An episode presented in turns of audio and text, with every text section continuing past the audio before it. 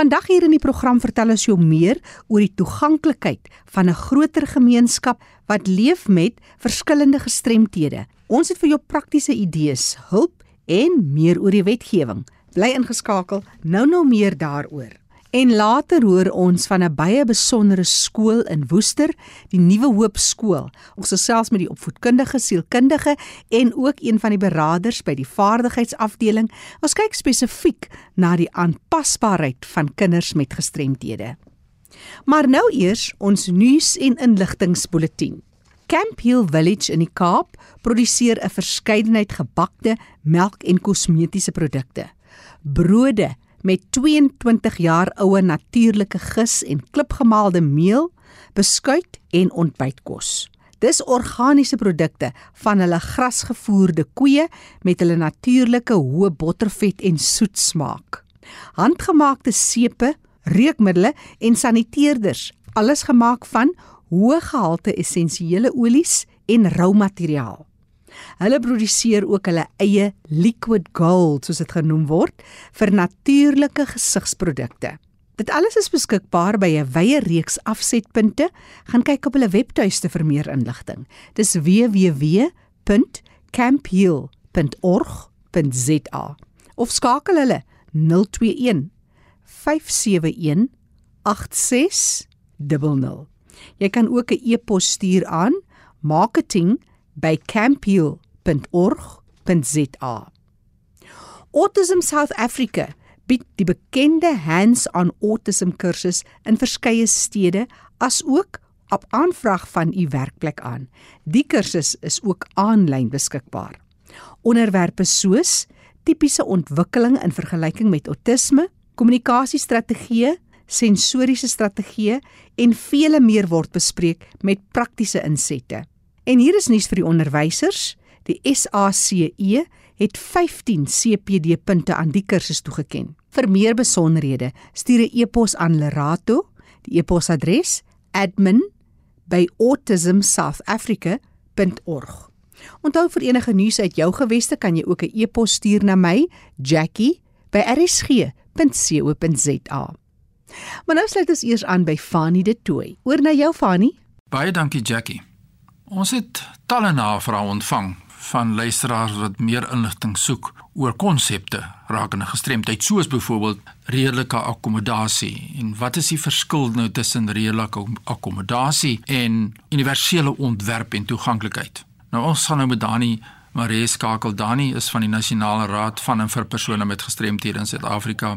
Ek glo Dani, jy het hierdie antwoorde. Welkom by RSG. Hallo Fanny en baie dankie vir die geleentheid en ja, ek hoop ek kan lig op die onderwerp vir julle gee. Dit is 'n onderwerp wat baie na my hart is. Nou, hoe het ons gekom by universele ontwerp en redelike akkommodasie in Suid-Afrika en hoe is daar nou suksesse? Ehm um, ons het 'n hele paar jaar terug net gefokus op toeganklikheid vir spesifieke gestremthede. As jy mooi kan dink, 1994, daai tydperk het mense gekyk na parkeerplekke vir persone met gestremthede, toilette, toeganklike toilette en hulle het nie verder gedink nie. En toe het Suid-Afrika bekend geraak met die konsep van universele ontwerp en beplanning en net in kort om dit te beskryf is, dit is hoe jy 'n produk of 'n diens of 'n gebou of 'n eco-environment is as ek dit so kan kan stel, byvoorbeeld 'n strand of 'n park, hoe kan jy dit toeganklik maak dat enige iemand dit kan gebruik sonder enige hulp reg deur hulle leeftyd sonder dat enige enige modifikasies gemaak word aan die plek. So die beplanning is ongelooflik belangrik en ons fokus nie net op persone met gestremthede nie, maar almal kan dan natuurlik dieselfde diensproduk of gebou gebruik wat absoluut absoluut wonderlik is.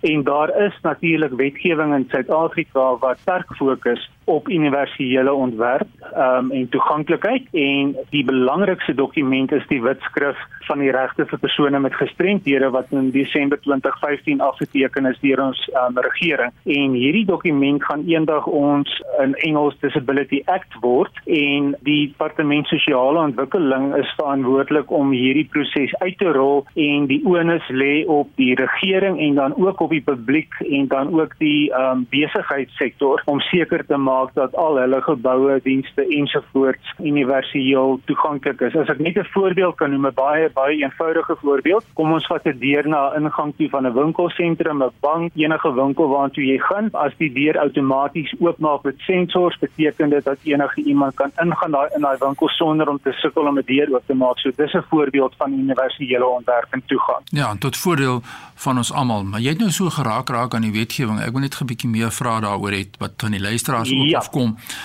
Ons praat van die wetskrip op die regte van persone met gestremthede. Ja, ons hoor nou dit gaan wetgewing word, maar dit is die huidige beleid op gestremdheid. So die luisteraars dink ek moet ook kennis neem dat alhoewel die wetskrip nog nie 'n wetgewing op hierdie stadium is nie, is dit die enigste beleid en dit vervang vorige beleide. Is dit korrek so? Dis reg ja. En natuurlik van die boonbehalwe dit is Suid-Afrika het, het het die mees wonderlikste wetgewing wat persone met gestremthede ek wil amper sê hulle empower om dinge te kan laat gebeur. 'n Ander voorbeeld wat ek kan noem is die konstitusionele hof um, wat mense kan nader as hulle voel daar word gediskrimineer teen hulle rakende toeganklikheid. Dan is daar die POPUDA. So daar is regtig baie baie wetgewing wat ons kan gebruik. So die verskoning wat gewoonlik gegee word word veral deur uh, privaat sektor is om om te sê ag ons hierdie gebou ons kan dit nie toeganklik maak nie of dit is 'n uh, heritage gebou ons kan dit nie toeganklik maak nie. Daai goed het geen meriete meer nie. So die luisteraars moet moet weet daar is wetgewing wat hulle beskerm wat hulle kan gebruik en dit is ons plig as die nasionale raad om mense bewus te maak van al hierdie wetgewing en hoe om dit toe te pas om seker te maak dat hulle ingesluit is met hierdie wonderlike beginsel van die universele ontwerp. Danie, jy het net verwys dan na die PEPUDA, soos die Promotion of Equality and the Prevention of Unfair Discrimination Act. Is dit korrek? Korrek, korrek, ja. Nou dit is baie belangrik want ek het ook 'n luisteraar wat sê maar die wie die bouregulasies is nie regtig nog insluitend nie. Dit sluit nog groepe uit en maar dit's die bouregulasies as ek ek dit reg het is onderhewig aan die PEPUDA is dit korrek dat daai oorhoofse wetgewing maak voorsiening dat ons kan nie wegkruip agter die bouregulasies wat nog nie voldoende is nie. Gee die perspektief vir die luisteraars daarop. Korrek. Van die, die bouregulasies en ehm um, wat dit word genoem die Sunstein 400 DOS wat spesifiek praat oor gestremdheid in in die bouregulasies en wat nie daarin gedek is nie en, en jy sê te regte daar baie baie areas wat nie gedek word deur die bouregulasie tans nie, maar dit gee geen argitek of 'n bouinspekteur enige rede om nie universele ontwerp in te sluit nie want jy kan dan daai ander wetgewing gebruik om vir hulle te sê maar luister hierso julle moet dit doen as gevolg van XYZ. 'n Positiewe ding is um, in lyn met die wetskrif wat ons net nou genoem het, is hulle besig om die bouregulasies aan te pas om in lyn te wees met die wetskrif en universele ontwerp. Maar dit gaan nog 'n rukkie vat, um, maar ons is positief ten minste dat hulle begin gemaak het. Ons het in die begin van die program gesê ons kyk na redelike akkommodasie en ook na hierdie universele toeganklikheid. Maar so, kom ons neem nou 'n voorbeeld. Ons plek is nou mooi toeganklik die gebou, maar nou neem ons iemand in diens. Dis nie so eenvoudig soos dit nie. Daar's nog steeds redelike akkommodasie wat gedoen moet word van tyd tot tyd met betrekking tot die verskillende forme van gestremthede. Wil jy kommentaar daarop lewer? Heeltemal korrek Fani. So voorbeeld wat jy genoem het, kom ons sê jy het die perfekte perfekte universele ontwerp gebou waarin jy nou gaan werk as 'n splinte nuwe werknemer. Um, dan afhangende van jou gestremdheid sal daar steeds aanpassings moet gedoen word om jou te akkommodeer. En belangrik om te noem ook is dat geen persoon met dieselfde gestremdheid gaan dieselfde redelike akkommodasie maatreëls nodig hê nie.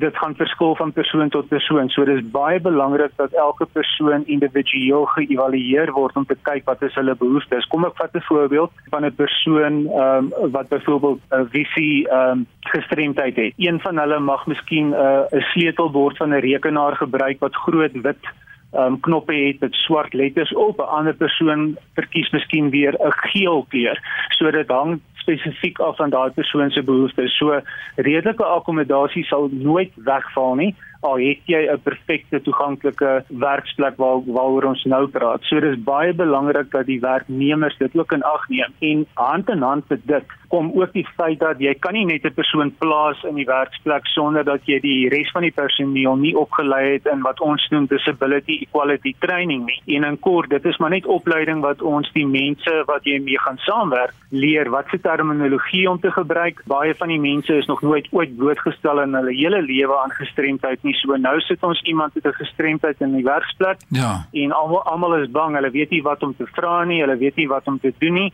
En ons vind net as ons die opleiding gedoen het, is dit net soveel makliker vir almal en dit um, skep 'n uh, omgewing waar almal almal gelukkig is. Dan hierdie term is redelike akkommodasie. So met ander woorde, dit is ook redelik teenoor die werkgewer, nê. Nee.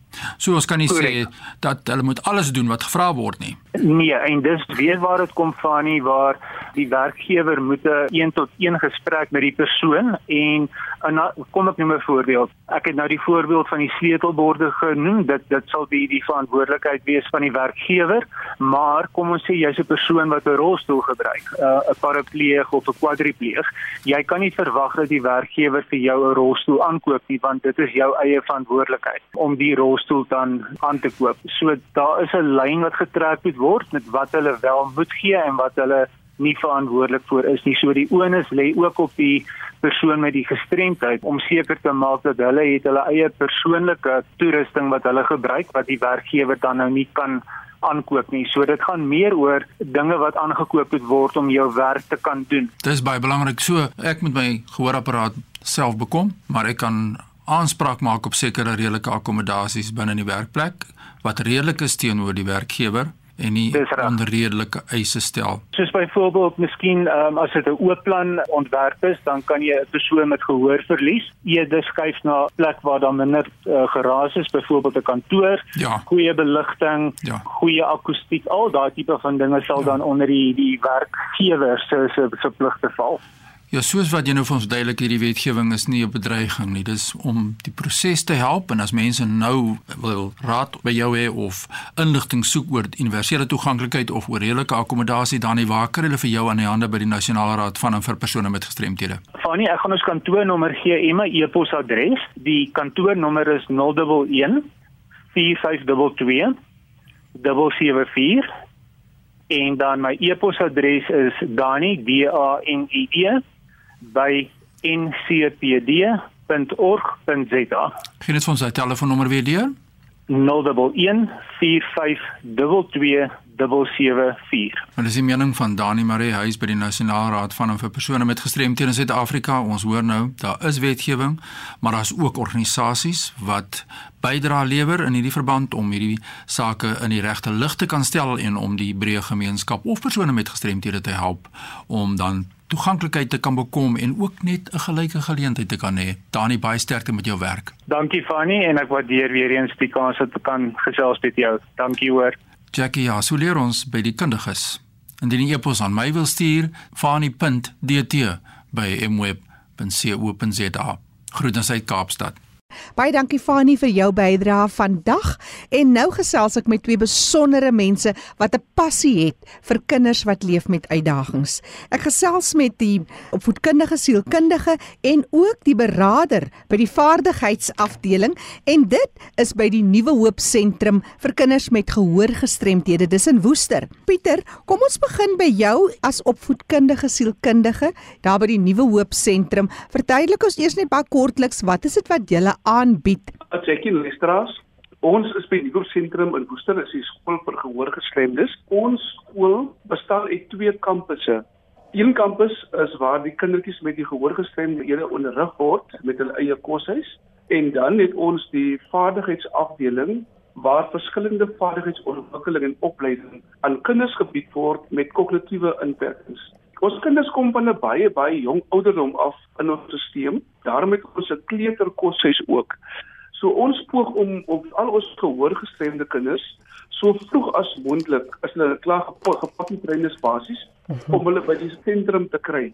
Juis omdat hulle 'n beperkte gehoor het en hulle taalvaardighede ook nie goed ontwikkel is nie, vanweë die feit dat hulle kommunikasie met ouers in die gemeenskap nie baie keer bevredig word nie. Die kleuterafdeling het ons En dan ons vaderheidsafdeling kinders kom basies na ouderdom 14 in 'n jaar waar hulle 15 word word hulle opgeneem in die vaderheidsafdeling. Nou die vaderheidskinders kom basies ehm um, van die hoofstroom af, maar daarvan kan Linda vir jou so 'n bietjie meer vertel.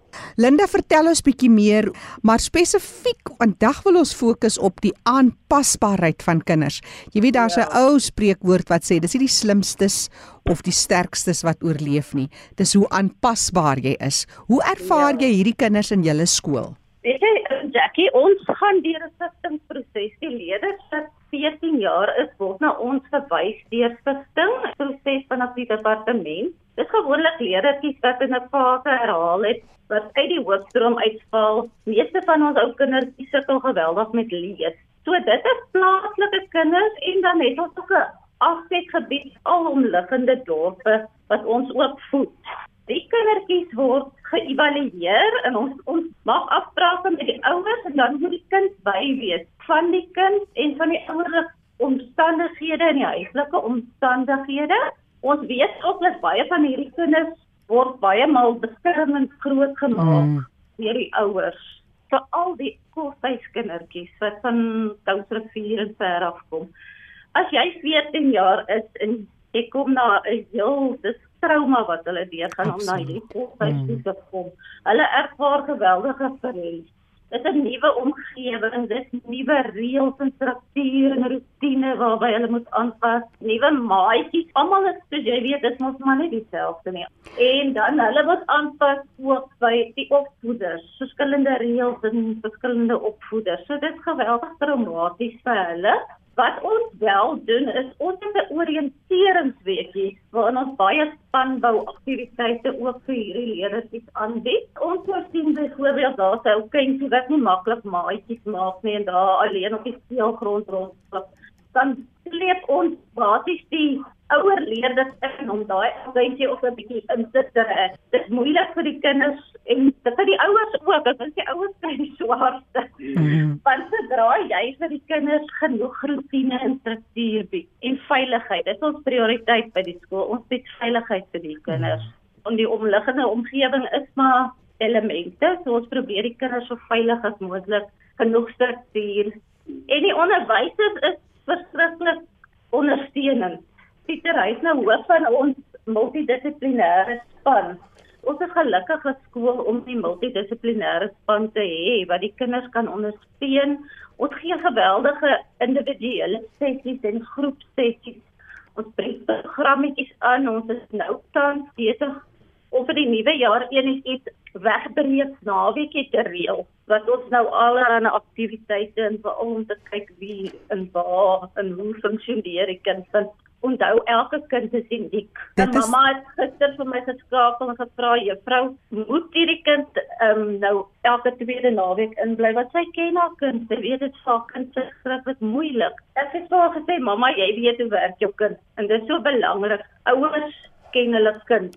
So hulle moet met ons praat en ons moedig die kinders op aan om te kom aanmeld as daar probleme is, onsekerhede. Pieter as hoof van die multidissiplinêre span, maar meer as 'n sielkundige, opvoedkundige sielkundige, watter raad gee jy vandag vir ouers? Gee vir ons so een of twee van daai praktiese raad en idees. Ek dink een van die uh, belangrikste is die gesin as die die ondersteuningssisteem. Ek dink ons as ouers moet ons kinders baie meer onthou ons sien bestuur so verknop baie keer ons kinders juis omdat die kind 'n gestremdheid het. En ons maak ons kinders baie keer so abnormaal groot. Ons wil oorbeskermend wees. Ek dink 'n goeie begin is om ons kinders geweldig bloot te stel aan die groter gemeenskap. Hmm. Ek dink ons hoef nie meer ons kinders weg te steek as gevolg van 'n gestremdheid nie dan uh die ander aspek is dit gaan saam met jou jou jou skeiingsangstekkie. Ons ouers skei baie moeilik vir ons kinders en andersom juis omdat ouers te bang is kinders gaan seer kry. As uit die oogpunt van die multifunksionele span het Linda verwys na die oriëntering. En die oriëntering is maar jy ken die uh circle of courage wat praat die eerste segment praat of van the sense of belonging, gevoel van behoort aan om net daai gevoel by die kinders te skep dat hoorie dis 'n nuwe omgewing, dis 'n nuwe uh, residensiële omgewing, maar wat belangrik is, die inwoners van die omgewing moet mekaar besou vind. So die oriëntering gebruik ons uiteindelik om die kinders bietjie in kontak met mekaar te bring. Ten minste vir 'n week en dit is vir die aanpassing wat belangrik is want ons wil hê ons wil hê die kinders so vinnig as moontlik aanpas. Jackie, ons het nou atletiek kwartaal 1. So wat gebeur is jy deel jou kinders in so 'n mate in dat hulle veral jou senior kinders direkte kontak met hul junior of die nuwe nuwe aankommelinge het dat hulle ook op daai manier op 'n sosiale vlak daai interaksie het. Dan as COVID was nou hier maar voor die COVID het ons sommer so 'n tipe van 'n dansie gedoen waar hulle op 'n ander vlak met mekaar kan kommunikeer. Ek dink 'n baie elementêre iets is jou kosiese verhaal. Jy gaan jou kinders indeel by by 'n tafel waar hulle eet, maar jy roteer ook jou kinders om uiteindelik mekaar beter te vind ook in in daai opset uit die multifunksionalispan het ons maar hierdie 1 tot 1 konsultasies Jackie waar ons uit die aard van hulle agtergrond die meer fokus om daai positiewe ingesteldheid meer uit te bou om daai selfversekerdheid uit te bou mm. en ook om my gevoel te gee van ons weet julle sukkel maar weet julle ons vorm die nuwe ondersteuningssisteem weg van die ou huis af so ons neem eintlik die ouer rol in waar ons sê ek word jou pappa en ek word jou mamma vir enigiets enige uitdaging wat jy mag ervaar. Dit sluit vir my aan by wat Linda vroeër gesê het, hy kommunikasie wat moet gebeur tussen die ouer en die kinders, maar hierdie 1 tot 1 is vir my mooi want dit is ook daai ding van ek luister. Wat is dit wat jy sê? Iemand gee om. Kom ons gesels. Linda, as jy vir my net so in 1 minuut dit alles kan saamvat, jou boodskap, so laaste boodskap en dan jy Pieter? Al riglyne wat ek kan gee vir al vir die ouers is bly in kontak met die skool, meld aan want al die kinders is, is nie dieselfde nie. Hulle gaan nie maklik praat nie. Hulle gaan nie maklik deel dalk met vreemde mense nie, maar hy deel dalk met mamma en pappa. So hou kontak met ons en moedig jou kind aan by die huis om te eksperimenteer. Ons hou baie maal hierdie gestremde kindertjies terug. Ons is te bang om te oorbeskerm hulle, né? Ja. En praat jou kind moed in. Ek weet vir die ouers is dit net so moeilik ehm um, hierdie skeiding van die kind, jy bekommer jou mors dood, maar onthou, as jy gaan moed inpraat en jy gaan nie te veel emosie wys nie, dit is ook belangrik aan sien die kind vir al die gestremde dowe leerdertjies, dan weet hulle nou nie mooi nie dan van hulle moet nou maar ook so optree. So, so praat jou kind moed aan Dit vat gewoonlik vir 2 weke as 'n kind om by die koshuis in te pas. Hmm. Hulle maak nuwe maatjies en sodra hulle nuwe maatjies gemaak het, is hulle reg. Dit is baie keer maar net die ouers wat dan nog bekommerd is. Maar ons is daar, ons ondersteuningsspan is regtig betrokke en ons probeer die kinders so veilig en ondersteunend wees as moontlik vir die ouers. Jackie, my ingesteldheid is maar bloot die kosies word die huis van die kinders. En as jy in 'n huis woon, gaan jy jou kinders se name ken. Dit klink na 'n simpel idee, maar onthou jou kind moet nuwe identiteit vorm. Hy help ons altyd ken jou kind se naam. Groet hom wees ontvanklik van skool se kant af en het 'n oor vir se kinders. En dan wat Linda sê is so waar, die koshuis word eintlik net 'n verlenging van die huis en andersom. So ons hou kontak met die ouerhuis selfs in vakansies. Ons maatskaplike dienste help om daai koneksie te behou en ons motiveer maar ons kinders deurlopend soos ek gesê het omdat ons die rol van die ouers oorneem. En so gesels Pieter Versagie en Linda Fourie. Linda, die beraader by die vaardigheidsafdeling en Pieter is onder andere die hoof van die multidissiplinêre span. Hy's 'n opvoedkundige sielkundige en dit is daar by die Nuwe Hoop Sentrum vir kinders met gehoorgestremthede in Woester. Vir mense wat met julle kontak wil maak, gee ons julle besonderhede asseblief. Uh my besonderhede is um per e-pos. Dis pieterversagi9@gmail.com. P E T E R pasagi9@gmail.com. Ja. My e-posadres is linda.fourie92@gmail.com. So dis linda.fourie92@gmail.com. Dis korrek. Telefoonnommers 083 465 5138. En 'n nommer dalk van die sentrum Pieter 082 Die nommer by die skool kan gerig skakel word. Dis 023 34 8200. Net weer? Dis 023 348 2200. 0 En ek weet ons gee baie kontakbesonderhede deur as jy vir watter rede nie kon vinnig genoeg dit neerskryf nie, stuur vir my e-pos as jy kan, jackie@rsg.co.za. En onthou, jy kan ook weer gaan luister na die program. Dis beskikbaar as 'n potgooi op rsg.co.za. Klik op potgooi en onder L vir Leefwêreld van die gestremde met vandag se datum. Die program Leefwêreld van die gestremde staan onder leiding van Fanie De Tooy en ek is Jackie January.